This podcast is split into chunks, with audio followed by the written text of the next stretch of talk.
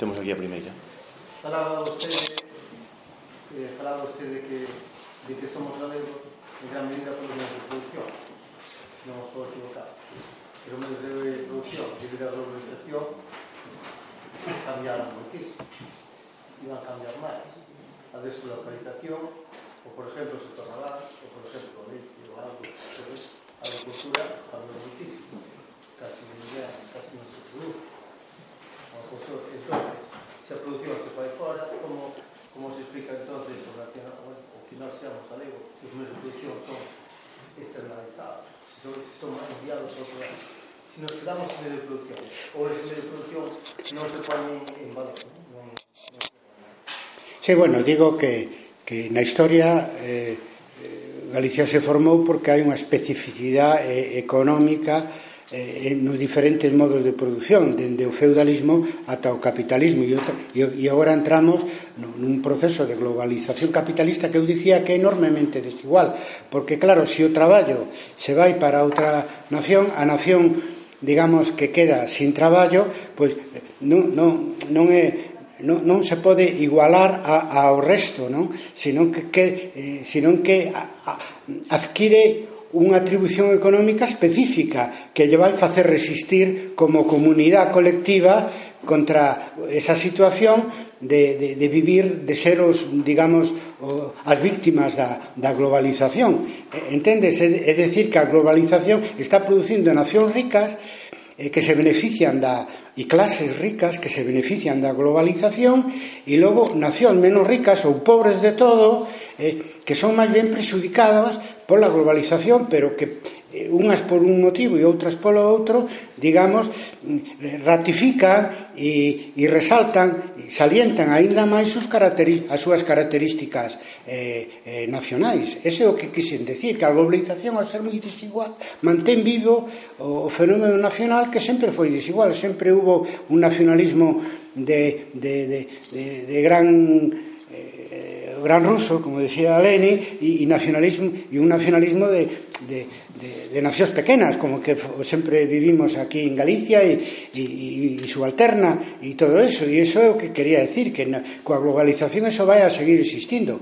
Ora, de todas maneiras, a hora de estudiar como evoluciona o fenómeno nacional en Galicia hai que ver como evoluciona a súa economía na medida de que se vai facendo distinta. Aparte que a globalización especializa tamén, eh, digamos, a produción unhas zonas dunha maneira, outra, eh, eh outra, aínda que a maior desigualdad é o beneficio para uns poucos e o presuicio para moitos, non?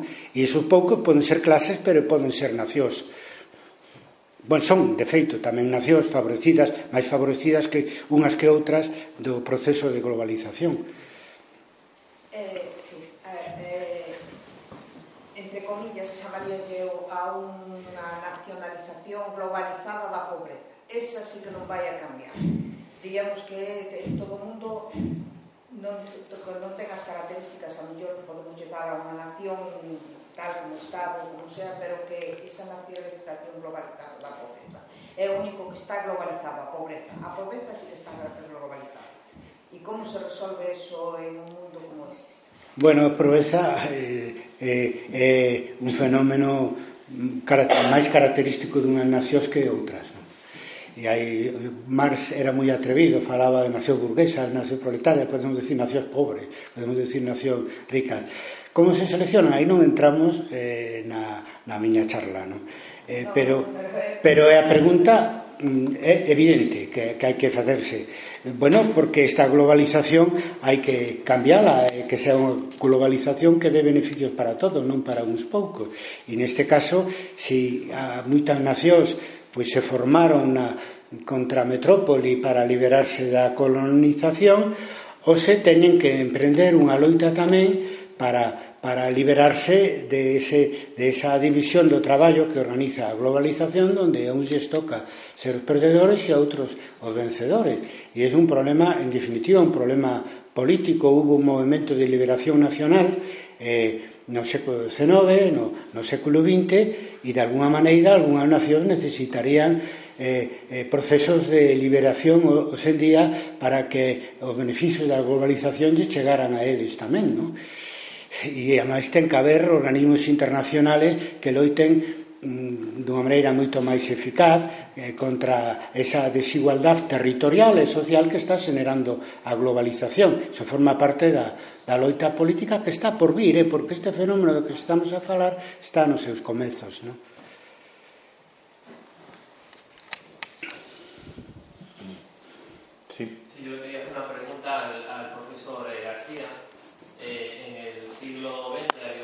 Países han implantado eh, regímenes eh, marxistas, eh, comunistas, eh, todos, eh, por lo menos, yo creo que todos han fracasado, incluso algunos de manera estrepitosa, y quería saber su opinión si hay algún modelo que a él particularmente le gusta o, en fin, qué me puede decir de este, este tema. Y en cuanto al profesor Barros, quisiera preguntarle si la defensa que hace de, de, de, de Karl Marx frente al, al tema de, del Estado-Nación, ¿no? eh, si eso nos lleva un poco a, a, a volver a, a, lo que es eh, a las tribus. ¿no? Es decir, buscamos en, en el pasado, cuando surgen eh, distintas lenguas, y eso lo ponemos como una herramienta para el día de hoy eh, fomentar un poco la fracturación de, de las sociedades, ¿no? que efectivamente por eh, la situación que tenemos a día de hoy de globalización, que aquí estamos eh, más interrelacionadas. Entonces, eh, yo le quiero preguntar por qué nos paramos cuando el latín se, se desagrega en, en lenguas de romances y, por ejemplo, no, no nos volvemos más para atrás. Eh, porque, me refiero, según uno coja un punto de, la historia, otro, pues las tribus o, las nacionalidades pues podrían ser unas o otras. Bueno, eu vou ser brevísimo. E vou usar a decir unha herexía, non? A ir contra a ortodoxia, porque, a ver, para min a palabra comunista é, é tal como a explica Marx no, na ideoloxía alemana en 1846, é dicir, mentre se exista eh, capitalismo, haberá comunistas. É dicir, o comunismo é a loita contra o, contra o capital, pero o comunismo como Estado Isto, isto, bueno, isto é unha barbaridade o que vou decir, pero bueno, polo menos pensar eh, eu aí son un pouco trotskista, non? É dicir, na Unión das Repúblicas Socialistas Soviéticas e nos países por eles satelizados ainda que houve moitas loitas e intentos de todo tipo, e moito sacrificio, e moita meritocracia, e moita historia non sei, para, para dar, para premiar, para dar...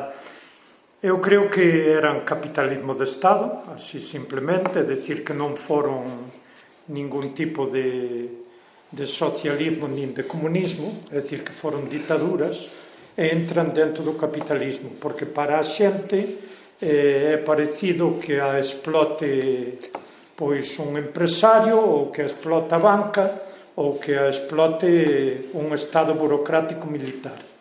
Entón, eu creo que con todos os méritos que poida ter e con toda a política de blocos e con todo o que poido ser de freo para, para o outro bloco, é dicir, o Estados Unidos e tamén os países por el satelizados, non? Oxe ese Esa división xa non sería válida porque hai unha serie de potencias emerxentes e tal. Pero vamos, se me apuras moito, esta é unha brutaldade, é unha barbaridade, eh, fascismo, eh, comunismo e eh, outra serie de lindezas máis fan parte do capitalismo. Eh, desde o século XVIII, a mí non me gusta ir moito máis para atrás, desde finais do XVIII ligado ao industrialismo, aparece o capitalismo que se organiza en nacións, etc. E nesas andamos. Pero Marx no decía que la primera etapa del marxismo era el socialismo y la segunda... Sí, bueno, eso no manifesto comunista, pero claro, a min pareceme que o manifesto comunista hai no que ler tamén como eso que é, como o manifesto, é dicir, Marx, ademais de ser un, unha especie de filósofo de, non sei, das ciencias sociais ou, se queres, incluso filósofo global, era un líder político e era un líder sindical. Se lle mandan facer un manifesto de 23 páxinas para explicarlle á clase obreira eh, como hai que, de alguma maneira, convertirse en comunistas e loitar contra o capital, o normal é que lles día mítines e lles diga con, que non lle quito valor ao manifesto comunista e lles diga eso que hai unha esperanza, incluso hai unha especie de escatoloxía, unha terra de, de promisión, un cristianismo laicizado que sería pasar por unha etapa socialista de ditadura do proletariado tal e tal para desembocar en que? Nun paraíso. Cabo, ese tipo de... Pareceme que o escribía no 48 e non ten nada que ver co Marx que a partir dos anos 50 está nunha empresa de, de escribir o capital que a deixou ademais incompleta e aí non é dado a, a facer ningún tipo de, de escatoloxía, non se sabe que vai pasar, etc. Simplemente trata de ver a anatomía da sociedade capitalista e facer unha descripción antropolóxica que eu creo que é máis relevante casi que todas as outras de toda a miseria, de toda a explotación que, que provocaba o capital. E eu creo que que hai que ir por aí, pero non sei quen son eu para marcar deberes.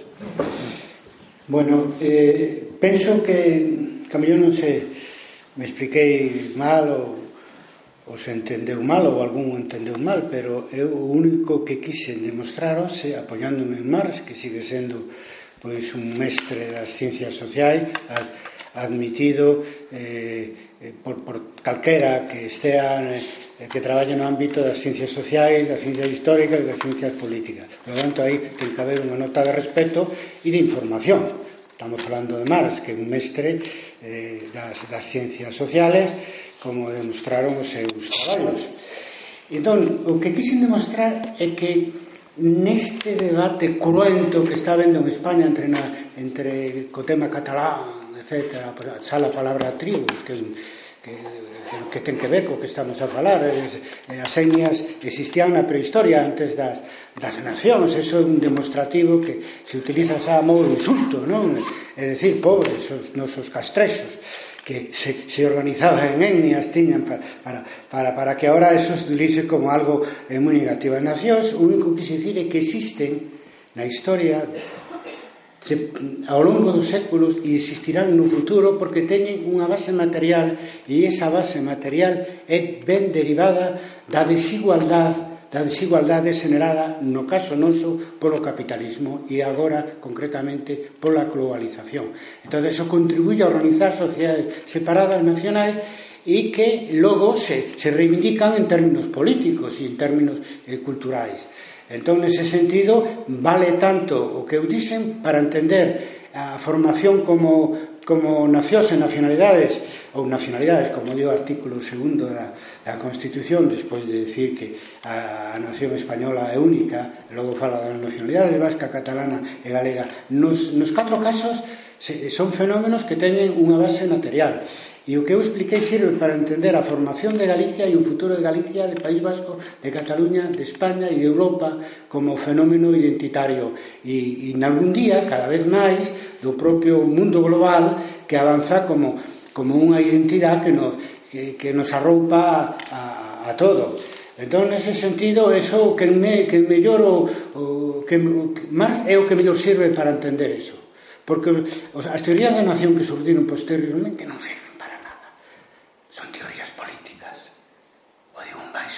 pero puedo decirlo más alto, son teorías políticas. Y se dicen verdaderas barbaridades, como si calquera nacionalista ou independentista ou pudera crear pola súa conta unha nación de séculos de existencia, se acaso pode representala, mellor ou peor, nun momento determinado. Ese é un fenómeno moito máis profundo históricamente. E, e esta, estas ferramentas que eu explicaba son sacadas dunha consecuencia dunha lectura de, de, de Marx, que é un maior sociólogo, digamos, e economista eh, do século XIX, sin dúbida, bueno, eh, eh, polo menos que tivera proyección no século XX como a que tivo eh, Marx non tiveron outros. Entón, nese sentido, aplicar que é o que nos toca, os que nos movemos no ámbito académico, pois ferramentas que nos permitan estudiar os fenómenos nacionais dos en día. Independentemente que tú seas anticatalanista ou pro-catalanista, antiindependentista ou pro-independentista, señas nacionalista galego, catalán, escocés ou chino, que tamén teñen unha patria aí e a defenden como fora. É un fenómeno que aparece na historia para quedarse.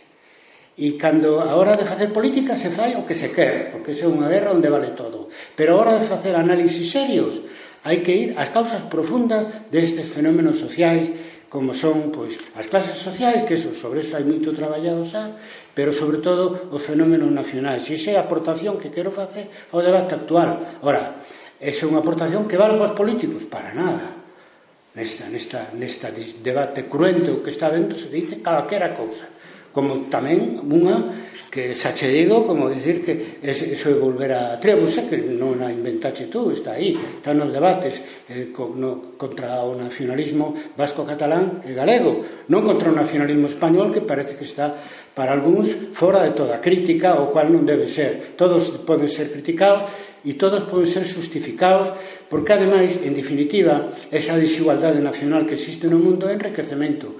En primeiro lugar, enriquecemento cultural, porque o multilingüismo é enriquecemento e porque o multiculturalismo é enriquecemento, ainda que algúns eh, se opoñen E así temos unha a nación é unha das maneiras, digamos, máis efectivas, máis útiles de ter, digamos, unha identidade social, colectiva, para, ademais da localidade ou da clase social. Todo iso é riqueza e iso hai que mantelo e conservalo e non deixar nunca claro que unha clase estropa explote a outra ou que unha nación explote a outra. E, es que, e, e máis nada, pretendía eso, aportar un, un, unha ferramenta para explicar de unha maneira máis profunda de, do que se falla habitualmente o fenómeno eh, nacional. Temos tempo para unha de todas pregunta, maneiras... que hai a última xa. Sí, temos... Eh, quería preguntarle se non cree que ese carácter fetichista que nas súas análises Marx atribúe a mercadoría o dinheiro, se non cree que na nosa sociedade actual se podería aplicar a tecnoloxía, e máis concretamente a tecnoloxía da información. É dicir, como que na nosa sociedade eh, se ve a tecnoloxía eh, que, que ademais eh, eh, eu creo que eh, acentúa esas tendencias sociais que están implícitas no, na apoloxía do capitalismo esa se, se non creo que se lle podería aplicar ese carácter Sí, eu creo que creo que se pode aplicar con carácter universal, non? E si, si a tecnoloxía xusto vai ligada co, co capitalismo, ademais dis moi ben tecnoloxía, porque eu creo que hai que diferenciar técnica de tecnoloxía, non? Na época de Platón, por exemplo, existían técnicas, agora temos tecnoloxías despois da, da revolución industrial e da eclosión de, da maioría do saber científico, é dicir, antes da química, antes da física, etc., non hai, hai técnicas, pero non hai propiamente tecnología, non? Eh, claro, como, como vas a aplicar eso se si hoxe imos de cara a unha fábrica total, é dicir, a unha fábrica sin traballadores, xa estaría ademais moito ben, sempre que houbera unha socialización de toda a produción, non? Porque, claro, para que queres traballar? É dicir, se as máquinas o poden facer, mellor que mellor. O que pasa é que, claro, ese tempo de ocio liberado, de lecer, ou como lle queiras chamar, non se pode convertir neste consumo que temos agora de ocio estupefaciente e ter a xente por aí circulando de feira en feira, de festa en festa, eh, falando de cultura popular cando xusto que se estropea é cualquier signo de cultura popular e o que estamos é convertindo a, non sei, a, a convertir en, en arte, porque atrevense a chamarlle eso, a cualquier expresión que é pura miseria. non ser así de duro, non?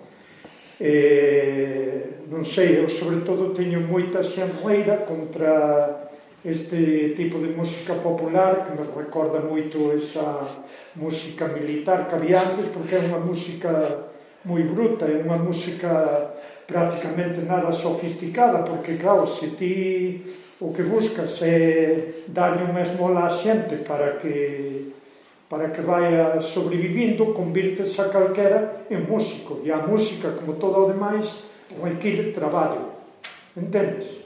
Eh, eu non é que agora vai a defender o elitismo, é dicir que, por exemplo, hai moita xente por aí sin traballo e que foi a conservatorios de música e que durante anos e anos estuvo a, de alguma maneira, a, a educarse, non? Eh, frente a iso te xente que espontaneamente parece que hai un xen musical por aí espallado e o que fan é verdadeiras atrocidades e isto que, que digo da música digo de moitas máis cosas non? Pero non quería ir por aí, quería, quería volver un pouco ao das nacións. E eu estou de acordo con a maioría das cousas que dixo aquí, inda que eu son furibundo antinacionalista, non? furibundo, ademais, porque non acabo de ver, porque se di que Galicia é unha nación, e que, por exemplo, non nos sexa, pois eu que sei, a Rioja, porque non vexo eu case ningún territorio sin lingua, sin cultura, etc. etc. E eu teño outra cousa moi clara, que é que o capitalismo organizouse sempre en nacións, sobre todo o capitalismo industrial, e coa morte do capitalismo irá a desaparición das nacións. Ese é o que eu penso. En cuanto ás identidades, tamén teño moitos reparos que facer, porque eu non creo en identidades fixas, porque iso é tanto como, de alguma maneira, claro que tampouco vai creer ninguén dos que fala deso, non? Pero eu creo que moita xente que o que fai é fosilizar a identidade, non? Eu creo máis no no facer, no traballar que no fíade ser feito, non, non. Eu non quero, ou sea, xa evidentemente partes de unhas estruturas e estás configurado desde que naces, mesmo antes de nacer, etc, etc. Pero xusto eh, a tarefa que temos é loitar contra todas esas estruturas E eu, sobre todo, cando digo que son antinacionalista e anticapitalista e vou contra as nacións, é porque vou contra esa religión que, de alguma maneira, nos identifica a todos e que reivindica moito pouco a identidade de clase, da que ti as reivindicaste, non? Porque primeiro dicen, e esa é unha religión, é dicir, primeiro dicen que hai que unir toda a nación e despois, unha vez unida toda a nación, entón empezaría a loita de clases. Eu non penso vivir tanto tempo que a loita de clases empece antes. Eh? Antes de que se configure unha nación independente ou nada disso. Importan un pouco as nacións. Bueno, xa non temos tempo para bueno, máis. Gracias minuto, eh, a Carlos e a Domingo. E moitas gracias a vos pola vosa presenza.